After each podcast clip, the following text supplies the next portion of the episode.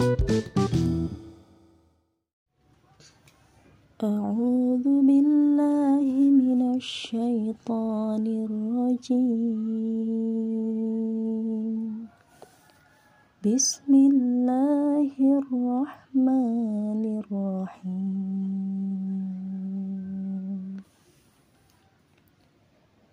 وجزاء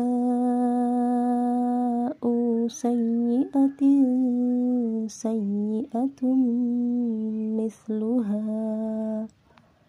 فمن عفا وأصلح فأجره على الله. إنه لا يحب الظالمين. ولمن انتصر بعد ظلمه فأولئك ما عليهم من سبيل إنما السبيل على الذين يظلمون الناس ويبغون في الأرض بغير الحق أولئك لهم عذاب أليم ولمن صبر وغفر إن ذلك لمن عزم الأمور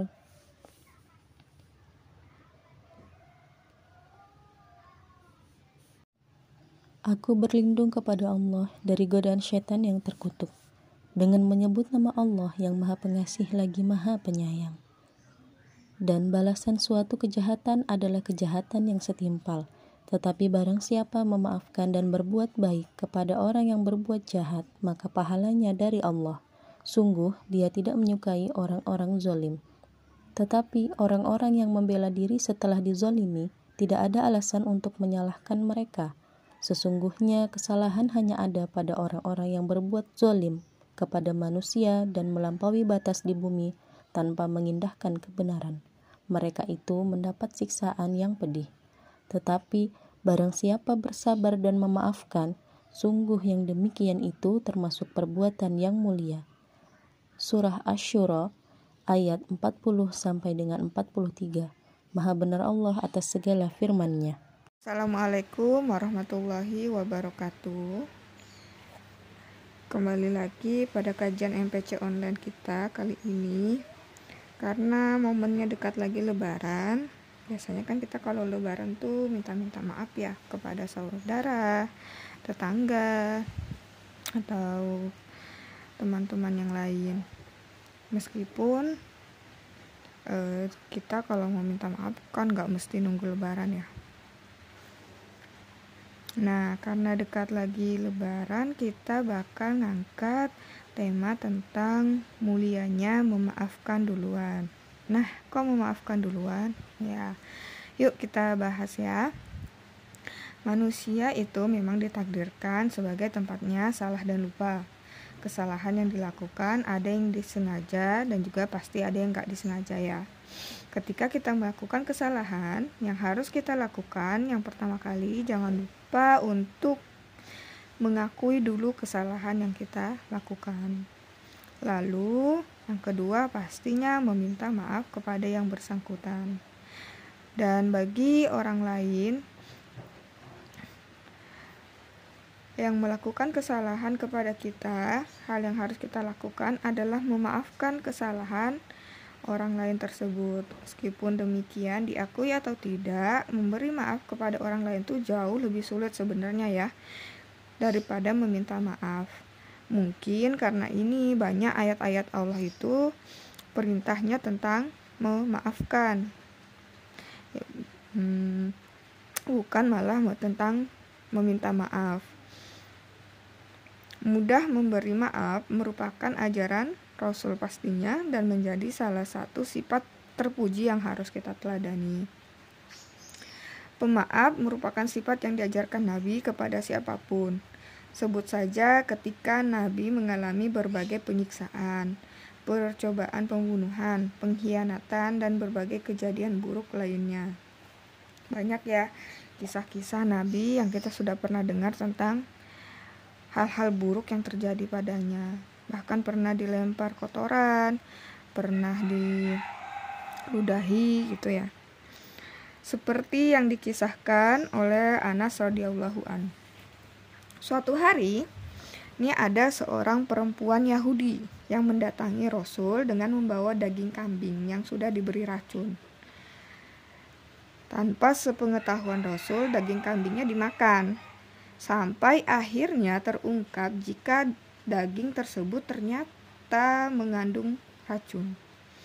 Nah, Rasul kemudian bertanya kepada wanita itu, Kenapa kamu lakuin itu? Si wanita menjawab, Aku ingin membunuhmu.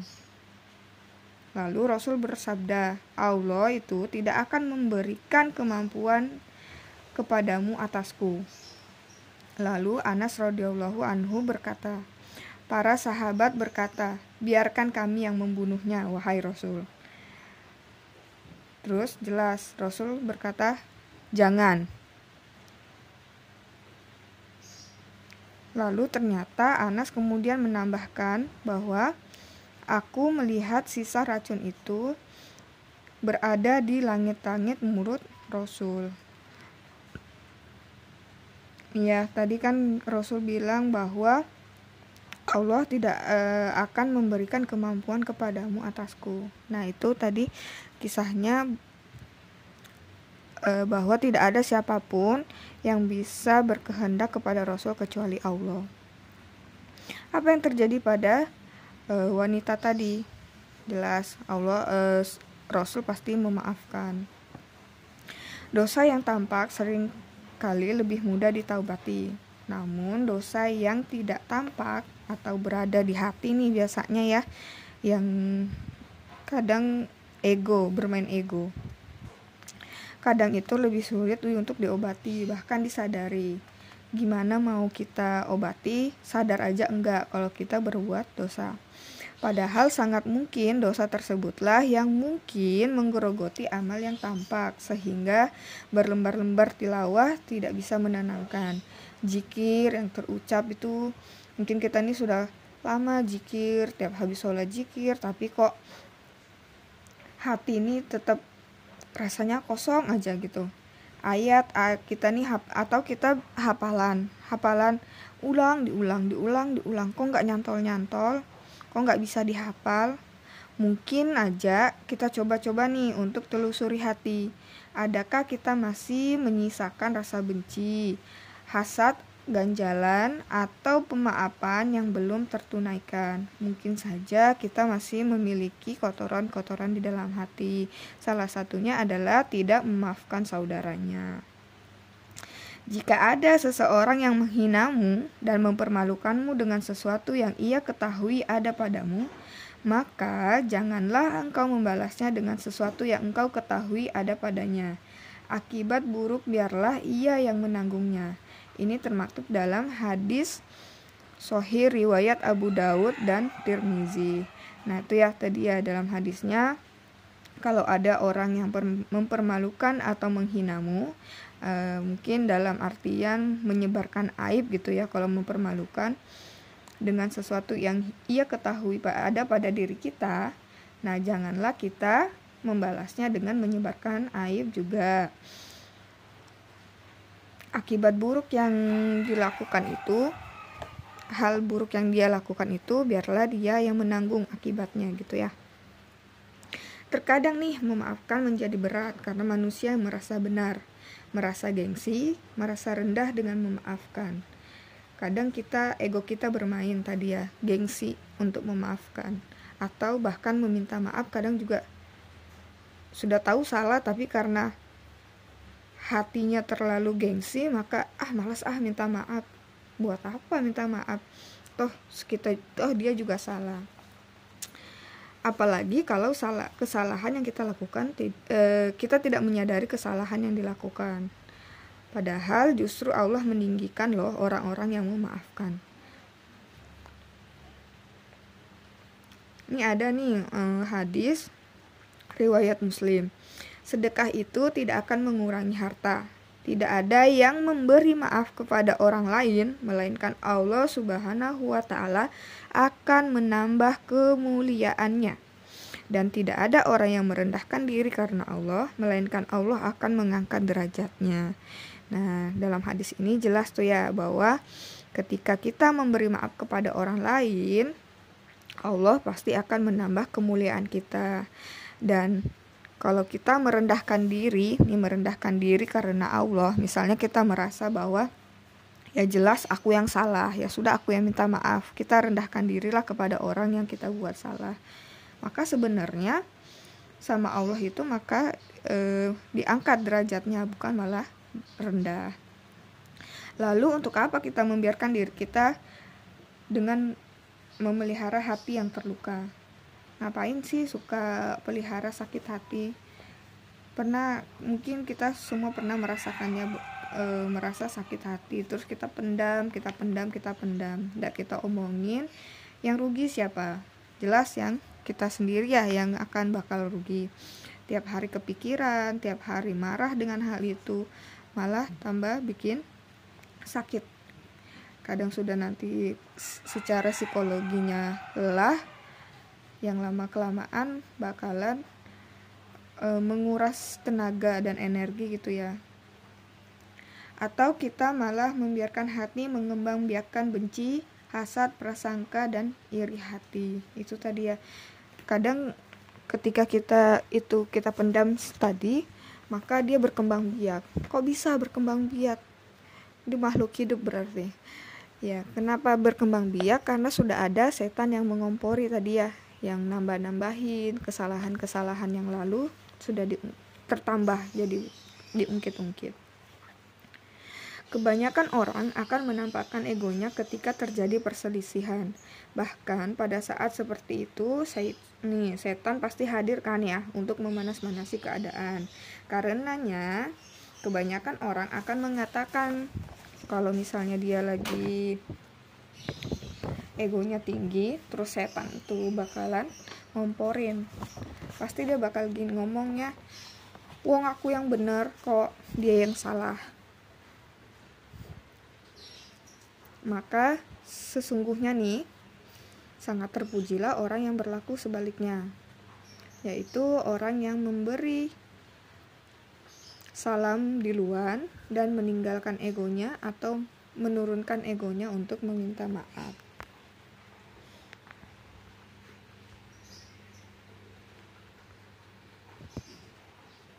Ini ada kisah ketika perang Uhud. Nah, pada waktu perang Uhud, pasukan kaum muslimin itu hanya berjumlah 700 orang. Dan kaum Quraisy itu jumlahnya 3000 orang. Jauh sekali perbedaannya ya. Sebelum perang dilakukan, Rasul ternyata bermimpi.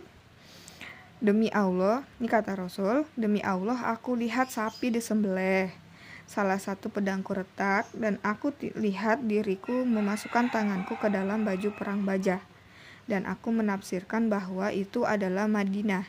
Adapun tafsiran sapi ialah beberapa orang dari sahabat-sahabat akan terbunuh.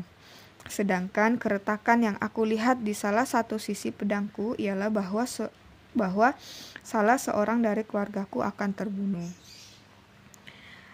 Nah, ternyata ada seorang budak nih bernama Wahsy alias Abu Dasama yaitu seorang ahli tombak dari Habasah yang tak pernah meleset sekalipun ya. Ini kalau dia nombak apa pun gak bakal meleset sekalipun. Dia dijanjikan itu akan dilepaskan perbudakannya oleh Jubair bin Al-Mutim jika berhasil membunuh paman Nabi yang bernama Hamzah Nah, pada saat perang Uhud, dia lihat nih si Wasi melihat Hamzah uh, paman Rasul itu sedang asik mengayunkan pedangnya. Dan dari kejauhan Wasi mengeker-ngeker Hamzah dan melemparkan tombaknya ke arah perutnya dan ternyata tembus di antara kedua kakinya. Waktu itu Hamsa atau e, paman Nabi ini mau ngedatangi si Wahshin ya, si Abu Dasama. Nah, tapi karena kehabisan darah, maka Hamzah pun meninggal dan syahid di tempat. Setelah syahidnya Hamzah, Hindun ini adalah seorang perempuan yang memiliki dendam kepada Hamzah. Langsung terus dia pas ngelihat Hamzah sudah tergeletak tidak berdaya, dia ngapain? Ini mungkin ini psikopat zaman dulu dia ya. Dia merobek-robek bagian tubuhnya paman Rasul dan langsung memakannya. Nah, bayangkan. Dia ini saking dendamnya. Terus e, beberapa hari kemudian si istrinya Wahsy atau yang nombak tadi yang membunuh pamannya Rasul, istrinya istrinya itu datang kepada Rasul, "Wahai Rasul, sungguh dosa suamiku itu sangat besar. Apakah jika dia bertaubat dan masuk Islam dia akan diampuni?" Terus Rasul bilang, Eh, Allah itu memaafkan semua dosa yang terdahulu jika orang yang bertobat dan masuk Islam. Ya, jadi kalau orang itu bertobat, kalau di, e, katanya sekarang tobat nasuha, maka dosa-dosa yang dulu itu bakal terampuni kecuali dosa syirik tadi ya. Nah, lanjut lagi kisahnya ini. Lalu istri Wahsi itu pulang dan berkata kepada suaminya, berkata kepada suaminya apa yang dikatakan Rasul tadi. Dan si wasinya tanya lagi nih sama istrinya, apakah kau sudah bilang bahwa aku wasi yang membunuh pamannya, yaitu Hamzah.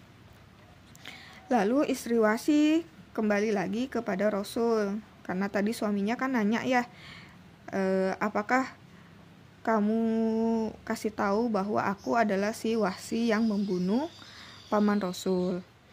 Nah, karena tadi istrinya nggak tahu jawabannya, maka dia balik lagi kepada Rasul. Terus dia jelaskan lagi, wahai Rasul, suamiku itu adalah si Wahsy atau Abu Dasama yang membunuh pamanmu. Yang mencongkel dadanya, mengeluarkan jantungnya, mencungkil kedua matanya, dan memotong bibir, hidung, dan kedua telinganya. Ini Rasul sebenarnya belum move on ya dari rasa sedihnya. Hamzah itu adalah paman yang disayangi. Lalu dijel baru datang lagi orang yang bunuh pamannya itu untuk minta maaf terus dijelaskan bagaimana uh, suami uh, si penombak tadi bahwa dia ketika sudah membunuh pamannya itu dadanya dada pamannya dicongkel jantungnya dikeluarkan matanya dicungkil terus bibir hidungnya dipotong telinganya juga dipotong.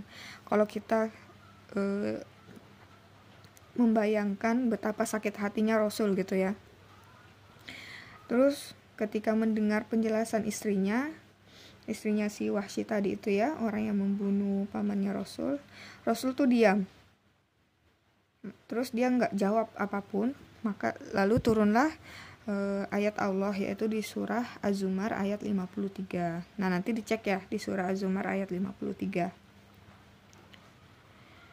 Lalu datanglah Wahsi masuk Islam dan bertemu dengan Rasul. Dan Rasul tuh ngomong ke Wahsi, "Kamu yang telah membunuh pamanku Hamzah bin Abdul Muthalib." Terus Wahsinya ngomong, bilang gini, Betul ya Rasulullah, aku yang telah membunuh pamanmu dan berbuat ini dan itu. Ini dan itu maksudnya tadi yang kekejaman yang dilakukan itu ya setelah membunuh pamannya. Terus Rasul bilang gini, e, ku maafkan kesalahanmu, namun jangan tampakkan wajahmu di hadapanku setelah ini karena jika aku melihat wajahmu, aku terbayang wajah paman yang kau bunuh. Jadi Rasul memaafkan tuh ya. Bayangkan kita kalau misalnya keluarga kita digitukan. Orang yang kita sayangin dibunuh terus dicongkel-congkel diapain lah badannya gitu ya. Terus dia datang minta maaf. Rasul memaafkan, tapi dia bilang tadi Jangan lagi kamu tampakkan wajahmu di depanku. Bukan karena Rasul benci sebenarnya, tapi karena ketika dia melihat si mukanya si uh, si Wahsi ini atau Abu Dasamah ini, dia teringat wajah Rasul. Eh, dia teringat wajah pamannya yaitu Hamzah. Lantas terus bagaimana nih dengan kita apakah kita pernah disakiti sebegitu dalam seperti Rasul? Apakah kita pernah disakiti seperti Rasul yang keluarganya dibunuh disiksa habis dibunuh disiksa lagi? Atau kayak Rasul yang pernah diludahi lah dilempari kotoran? Tentunya kan nggak pernah ya. Nah, maka sebagai manusia biasa yang jauh sekali tingkatannya dengan Rasul, pastinya kita bisa saling memahami bahwa setiap individu itu pernah berbuat salah selayaknya orang yang salah ketika salah tadi yang pernah saya, yang saya katakan di depan jangan lupa untuk mengakui dulu kesalahan. Jadi kalau misalnya kita mau minta maaf kepada orang tuh akui dulu. Kayak tadi si Wahsi itu ya adabnya gitu. Aku yang telah begini begini begini terus baru meminta ma maaf. Dan harapannya ketika kita meminta maaf pasti dimaafkan tuh ya.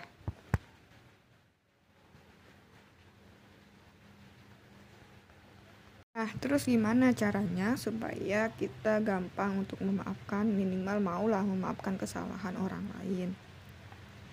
Yang pertama, perlu diingat bahwa jelas karena banyak ayat Allah tentang memberi maaf dan ganjarannya yang tidak main-main ya, yang tadi salah satu saya sebutkan tadi di penjelasan sebelumnya. Ini juga ada di surah Asyura ayat 40 yang dibacakan sama Mbak Kiroahnya tadi. Dan balasan suatu kejahatan adalah kejahatan yang setimpal. Tetapi barang siapa memaafkan dan berbuat baik kepada orang yang berbuat jahat tadi itu, maka pahalanya dari Allah. Sungguh dia tidak menyukai orang-orang yang zolim. Nah jelas ya. Sebenarnya Allah memberi kesempatan itu eh, apa bahwa setiap kejahatan itu akan dibalas dengan kejahatan. Tetapi kalau kita memaafkan tadi ya kepada orang yang berbuat jahat, maka jelas pahalanya dari Allah. Sungguh Allah itu tidak menyukai orang-orang yang zolim, yaitu orang-orang yang menganiaya. Yang kedua, marahlah pada hal-hal yang bersifat prinsip, bukan pada hal yang remeh atau hal-hal yang sepele dalil dalam kisah ini ada nih si kisahnya Kaab bin Malik radhiyallahu an. Tatkala ketika nih dia tidak ikut dalam perang Tabuk tanpa alasan yang syar'i yaitu tanpa alasan yang dibenarkan. Maka dia dihajar. Dihajar itu diboikot alias nggak ditegur nih sama sama Nabi dan para sahabat-sahabat lainnya sampai sekitar 50 hari. Sehingga Allah turunkan ayat yang menjelaskan bahwa Allah sudah menerima taubatnya si Ka'ab bin Malik. Maka baru para nabi eh para eh, pa, nabi dan para sahabat itu menghentikan praktek hajarnya. Apa yang dialami Ka'ab bin Malik itu dijadikan dalil oleh seluruh ulama yang berbicara, berbicara tentang masalah hajar. Mereka semuanya berdalil dengan kisah ini. Hal ini menunjukkan bahwa masalah menghajar pelaku maksiat sama dengan masalah menghajar pelaku bid'ah dengan tetap melihat kepada kemaslahatan dan kemudaratannya. Tadi ya. Jadi jelas ketika hal-hal yang bersifat prinsip yang bersifat prinsip ini maksudnya adalah yang sudah Allah tegaskan atau yang Allah sudah e, berikan perintah dan larangannya ya. Ketika dia melanggar maka ada hmm, dalilnya untuk menghajar atau tidak menegur orang tersebut. Seperti si Kaab bin Malik tadi. Bukan kepada hal-hal yang sepele. Misalnya yang dimaksud hal sepele mungkin masalah datang tepat waktu. Kadang kita janjian janjian di sini kadang kan ada orang yang berprinsip bahwa datangnya tuh harus tepat waktu jam misalnya janjian jam 8 ya jam 8 datangnya. Ternyata orang yang perjanjian dengan dia itu datangnya telat dan dia marah. Marah tak ditegur lah e, teman yang datang terlambat tadi ini kan sebenarnya bukan prinsip ya. Prinsipnya adalah yang penting dia mau menunaikan janji. Kan tadi ya uh, selama dia menunaikan janji maka tidak ada alasan kita untuk menghajar atau memboikot dan eh memboikot tuh bahasanya gimana?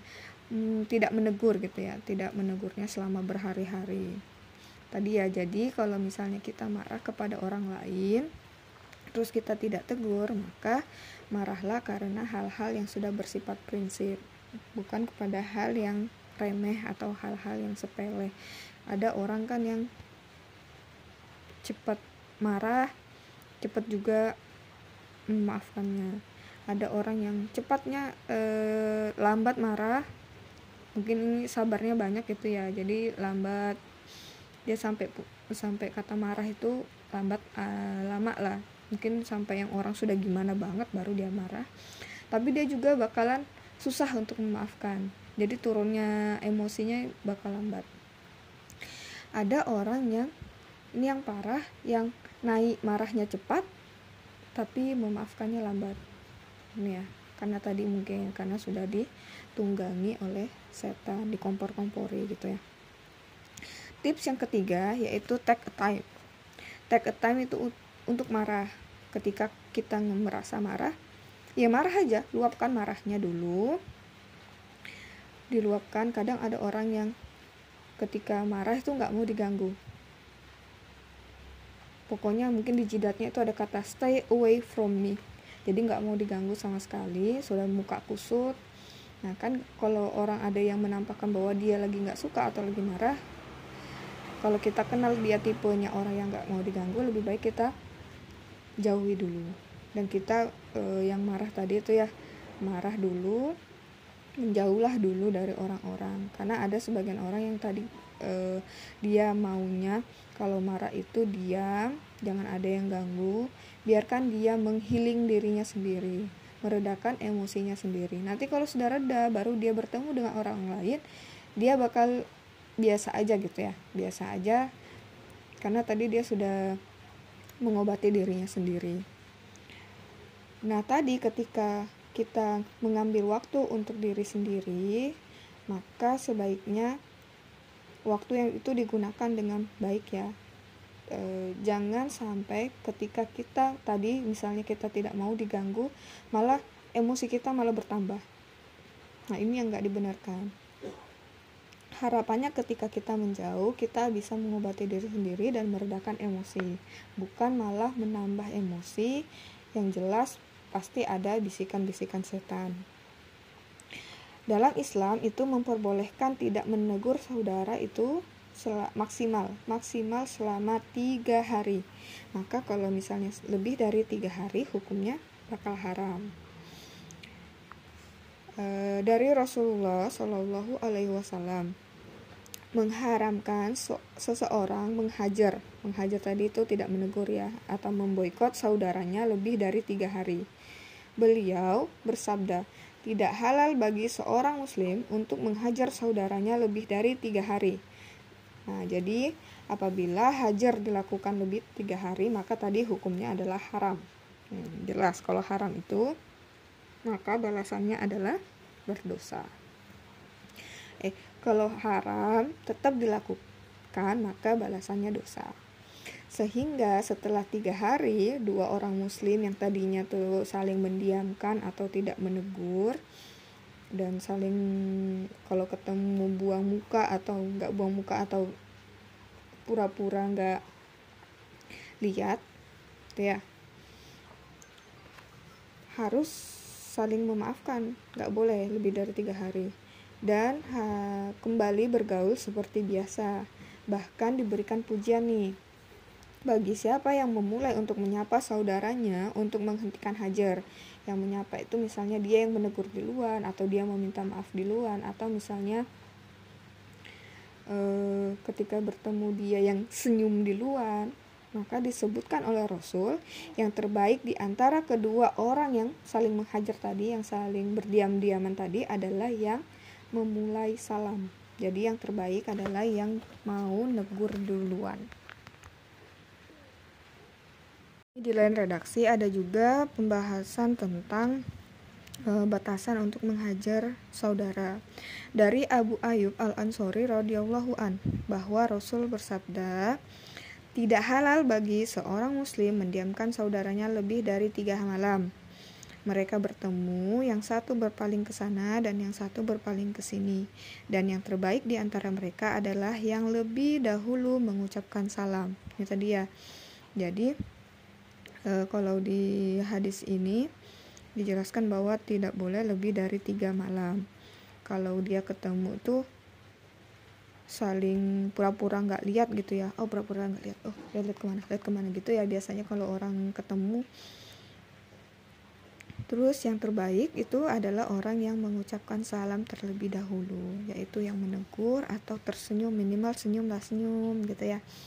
Kadang kalau misalnya mau minta maaf mulutnya agak susah untuk mengeluarkan kata-kata minimal senyum. Tapi kan bingung ya kalau mau orang yang satunya pura-pura ndak senyum, eh pura-pura nggak lihat, terus kita mau senyuminnya gimana? Nah makanya tadi kata Rasul adalah orang yang e, terbaik itu adalah orang yang mengucapkan salam. Jadi kalau misalnya dia pura-pura nggak lihat, kita mengucapkan salam kan pasti minimal dengar. Kalau pura e, kalau masih tetap pura-pura nggak dengar, nah sudah wallahu alam. Karena tadi sudah yang penting kita sudah berikhtiar dan e, jangan sampai jatuh kepada perkara haram tadi ya, bahwa, e, untuk tidak menegur saudaranya lebih dari tiga hari. Yang keempat, balaslah keburukan dengan kebaikan. Nah, ini aja susah banget nih. Dari judulnya aja kayaknya susah. Kita coba buka surah di uh, di surah Fusilat ayat 34 sampai 35. Tidak sama antara kebaikan dan keburukan, maka balaslah dengan cara yang terbaik. Maka orang yang di antara engkau ada permusuhan, tiba-tiba dia menjadi teman yang dekat. Namun akhlak seperti ini, yaitu membalas keburukan dengan kebaikan, tidaklah dianugerahkan kecuali kepada orang-orang yang bersabar dan tidak diberikan kepada orang yang mendapatkan keuntungan yang besar. Ya. Jadi maka jelas kata Allah itu keburukan dan kebaikan itu tidak sama, jauh-jauh banget maka balaslah dengan cara yang terbaik yaitu eh, dia membalasnya dengan kebaikan. Kalau ada peribahasa kalau kamu lempar aku pakai pot kamu kelempar dengan bunga. Tidak pakai potnya juga ya cukup dengan bunganya aja gitu ya. Maka balaslah keburukan tadi dengan kebaikan nah maka akhlak seperti ini yaitu tadi membalas keburukan dengan kebaikan itu tidak akan Allah berikan kepada orang-orang kecuali kepada orang-orang yang bersabar. Nah, jelas ketika kita bisa berar, bisa melakukan ke, melakukan hal ini berarti kita termasuk orang yang sabar. Dan sabar itu saja sudah banyak sekali ganjarannya ya. Dan ketika kita melakukan akhlak ini pastinya kita bakal mendapat keuntungan yang besar. Siapa sih yang nggak mau mendapat keuntungan yang besar? Maksudnya keuntungan yang besar ini adalah pahala yang berlipat. Ingatkah kita kisah tentang seorang pengemis buta Yahudi yang setiap hari disuapi oleh Rasul? Nih, siapa nih yang tahu kisahnya? Kisah uh, Rasul itu uh, dia itu benci banget sama Rasul.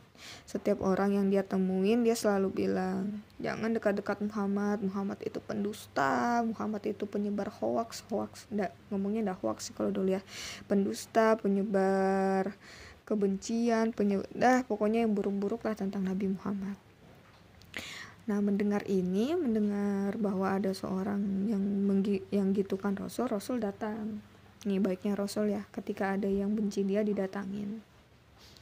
Didatangin, dilihat, oh Rasul kesian ternyata dia sudah buta, tua lagi gitu ya. Datang Rasul tiap hari nyuapin, disuapin, disuapin karena tadi tua itu sudah dia nggak bisa terlalu bertenaga, disuapin tiap hari. Sampai akhirnya Rasul meninggal. Dan si wanita Yahudi ini sahabat yang ada sahabat gitu ya yang datang menggantikan Rasul terus nyuapin wanita tadi. Ternyata wanita ini menyadari kok suap, suap cara nyuapnya beda terus tekstur yang disuapin tuh beda. Karena Rasul biasanya di kunyah eh, di apa dikunyahkan dulu dia dia baru dikasih jadi teksturnya agak lembut. Nah ketika sahabat yang nyuapin langsung aja tuh dari dari eh, dari piringnya langsung disuapin. Nah dia tahu ini bukan bukan orang yang biasanya nyuapin aku. Kamu siapa? Aku adalah sahabat Rasul gini-gini dan gitu. Akhirnya dijelaskanlah tadi ya bahwa orang yang setiap hari datang menyuapi kamu itu adalah Nabi Muhammad yang kamu benci. Di saat itulah wanita ini nih langsung terenyuh gitu ya. Ya Allah, ternyata orang eh ya Allah. Dia waktu itu belum masuk Islam. Oh, ternyata orang yang aku tiap hari hina, aku benci. Bahkan mungkin dia ketika dia nyuapin aku masih ngomong bahwa Muhammad itu begini, begini, begini, tetap aku disuapin gitu ya tetap aku disuapin dia terenyuh dan langsung ketika itu memutuskan untuk masuk Islam nah tadi ya bahwa Rasul itu sudah menun, e, mencontohkan kita untuk membalas keburukan itu dengan kebaikan. Yang jelas pastinya ketika kita membalas keburukan dengan kebaikan, hasilnya akan baik insya Allah. Setiap umat Islam adalah pendakwah. Bagi saya, setiap orang yang mengemban mengaku bahwa orang Islam, dia adalah pendakwah. Kenapa? Karena dia memegang risalah Islam yaitu sebagai rahmatan lil alamin yang di mana Islam adalah rahmat bagi seluruh alam. Maka kalau misalnya dikatakan rahmat bagi seluruh alam, harusnya makhluk hidup semua makhluk hidup di muka bumi ini bisa merasakan rahmatnya Allah ya maka setiap individu pun akan mengeluarkan efek atau menularkan kebaikan kepada semua makhluk yang ada di muka bumi ini tadi. Terus yang kelima kita harus berempati. Empati itu setingkat di atas simpati. Kalau simpati itu rasa kasihan atau memahami, sekedar kasihan terus memahami bahwa oh begini. Tapi kalau empati adalah kemauan untuk berbuat. Ini ada kemauan yang mendorong dia untuk berbuat atas dasar kasihan dan memahami tadi. Setiap orang pernah berbuat salah dan diri kita pun tidak lepas dari rasa eh, tidak pernah eh, tidak lepas dari pernah berbuat salah. Jika kita salah dan meminta maaf, maka harapannya dimaafkan. Ketika gini, mungkin kita pernah dengar hmm, put yourself in another shoes gitu ya. Letakkan diri kita pada posisi orang lain. Ini bagi saya tips yang tips yang ampuh banget untuk dilakukan dalam hal apa pun. Misalnya kita untuk memaafkan pun bisa dipakai yaitu gimana kalau misalnya kita memposisikan bahwa kita ini sudah minta maaf loh sama orang tapi orang itu nggak memaafkan. Gimana rasanya? Nah kita kita, uh, dan orang dan orang lain yang meminta maaf pun akan merasakan hal yang sama ketika kita tidak memaafkan. Atau misalnya ketika kita uh, apa lagi ya misalnya orang lain kita eh, tadi memaafkan tadi dia sudah jelas mungkin merasa tidak salah gitu ya. Kita pun pernah melakukan hal yang sama. Maka sebaiknya eh, tadi ya memposisikan diri kita di tempat orang lain. Bahwa gak selamanya sih kita ini benar. Bagaimanapun ketika dua orang berselisih pasti dua-duanya salah Kenapa? Kalau misalnya tadi, misalnya ada dua orang berselisih, yang satunya membuat kesalahan, yang satunya enggak. Tapi karena yang satunya tidak e, meluruskan atau misalnya tidak membalas kebaikan, eh keburukan tadi dengan kebaikan, maka terjadilah perselisihan gitu ya. Maka berarti dua-duanya tetap salah. Kalau tadi kita pakai resep yang nomor 4 yaitu membalas kebu keburukan dengan kebaikan, maka pasti tidak akan terjadi perselisihan kayak yang dicontohkan oleh Rasul. Terus yang terakhir, the last but not least yaitu baik untuk kesehatan. Jelas ini. Pasti semua sudah tahu ya bahwa ketika kita memaafkan itu baik untuk kesehatan. Karena ketika marah e, pasti jantung itu berdegup kencang, hati itu berkecamuk dan sebagainya. Ini ada penelitian pada pengobatan tradisional Cina yang dipublikasikan di US National Institute of Health National Library of Medicine mengungkapkan bahwa emosi bisa mempengaruhi kesehatan tubuh, khususnya sistem saraf tepi bagian visceral. Ada tujuh emosi yang disebutkan berkaitan dengan organ-organ vital manusia, yaitu kemarahan berkaitan dengan kesehatan hati, tuh Kebahagiaan berkaitan dengan kesehatan jantung. Perhatian berkaitan dengan kesehatan jantung dan limpa. Kesedihan berkaitan dengan jantung dan paru-paru. Rasa sedih tuh berkaitan dengan kesehatan jantung, ginjal, hati, dan kantung empedu. Perasaan terkejut berkaitan dengan kesehatan jantung dan kantung empedu. Terus yang terakhir, kecemasan itu berkaitan dengan kesehatan jantung dan paru-paru. Dituliskan dalam penelitian tersebut. Penelitian ini memberikan bukti dari per, pers, perspektif kedokteran Asia Timur bahwa emosi terkait dengan organ visceral, sebuah temuan yang berbeda dari perspektif kedokteran barat di mana emosi dipahami dal dalam hal hubungannya dengan daerah otak tertentu seperti sebagai amigdala. Penelitian ini juga menunjukkan bahwa jantung berkaitan secara signifikan dengan sebagian besar emosi. Dalam pengobatan Asia Timur, jantung dianggap sebagai pusat pikiran dan emosi.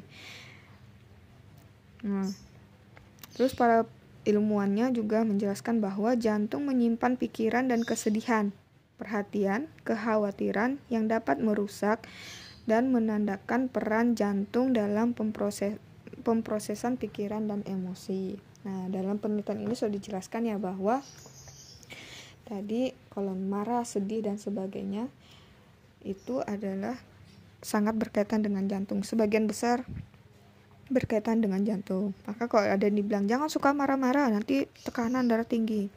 Ya, karena kalau tekanan darah tinggi itu kan jantungnya ber mengompa darah dengan cepat. Nah, itu ya tadi ya tips e, pemaparan tentang e, mulianya memaafkan duluan. Disadari atau tidak atau misalnya kita merasa bersalah atau tidak ya sudahlah maafkan aja duluan. Karena tadi pasti Allah tidak meng apa pasti Allah tidak bakal menyia-nyiakan tuh ya menyia-nyiakan hambanya yang berbuat kebaikan. Nah jadi sobat MPC online sekalian memaafkan itu bukan hal yang mudah begitu juga meminta maaf. Ada ego yang bermain dalam hati, apalagi ketika kita merasa kita benar dan orang lain salah. Nah, tidak dianya ternyata yang orang berselisih dengan kita tuh berpikir begitu juga. Kita yang salah, dia yang benar. Dan jadilah eh, ladang gandum dipenuhi coklat enggak. Dan jadilah masalah itu berlarut-larut larut-larut lebih dari tiga hari berbulan-bulan berbulan minggu tahun wah bahaya nih ya maka tadi kalau misalnya tidak menegur adalah balasannya tiga hari.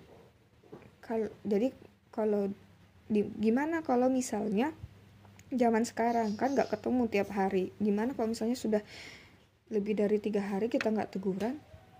Misalnya kelahinya lewat WhatsApp nih tiga hari. Nggak ada kontek-kontekan atau apa atau misalnya lewat apa pun KBBM Messenger dan sebagainya terus dalam tiga hari tidak ada ketemu.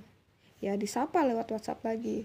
Kan tadi ya mengucap di chat langsung assalamualaikum. Nah gitu ya. Berarti itu tandanya sudah e, meminta maaf. Gitu ya. Jadi janganlah kita hmm, berlarut-larut ketika marah. Tidak baik ya. Tidak baik untuk kesehatan. Nah kalau kita pakai tips dan trik di atas insya Allah masalah akan aman masalahnya akan cepat selesai dan hati akan aman. Yang jelas jantung pun akan merasa berdegup dengan irama yang baik gitu ya. Sekian pemaparannya. Hmm, jika ada yang mau ditanyakan silahkan diketik pertanyaannya. Assalamualaikum warahmatullahi wabarakatuh. Assalamualaikum warahmatullahi wabarakatuh Manusia adalah makhluk Allah yang ditakdirkan memiliki sifat lalai dan lupa.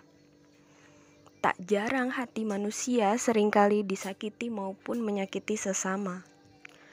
Rasa kesal, amarah, kecewa, dendam, dan penyesalan menyelimuti hati menjadi gelisah yang menyesakkan dada. Sebesar apa pun itu, Rasulullah mengajarkan kita untuk saling memaafkan Pintu surga akan ditutup bagi muslimin yang mengabaikan saudaranya lebih dari tiga malam. Dalam surah Al-Hujurat ayat 10, sesungguhnya orang-orang yang beriman itu bersaudara. Maka memaafkan adalah bentuk pembalasan yang terbaik, karena pengampunan memberikan pelajaran lebih baik daripada hukuman. Memaafkan bukan berarti untuk melupakan. Memaafkan bukan berarti tak akan mengulangi kesalahan Memaafkan tidak akan bisa mengembalikan seperti semula. Memaafkan adalah menerima apa yang terjadi, tidak menaruh rasa dendam yang menimpa diri. Sebab manusia terlahir dengan sifat dan karakter yang berbeda. Tentu tidak akan ada yang bisa mengetahui isi pikiran manusia kecuali Allah yang Maha Mengetahui segala isi hati. Setiap kejadian merupakan skenario yang diberikan Allah untuk menguji level keimanan kita. Segala sesuatu pasti ada hikmahnya. Oleh karena itu, memaafkan sesungguhnya merupakan bentuk rasa ikhlas yang melepaskan kegelapan yang menyelimuti hati. Dalam surah An-Nur ayat 22, dan hendaklah mereka memaafkan dan berlapang dada Apakah kamu tidak ingin bahwa Allah mengampunimu dan Allah adalah Maha Pengampun lagi Maha Penyayang? Kalian tidak akan masuk surga sampai kalian beriman, dan kalian tidak akan beriman kecuali sampai kalian saling mencintai.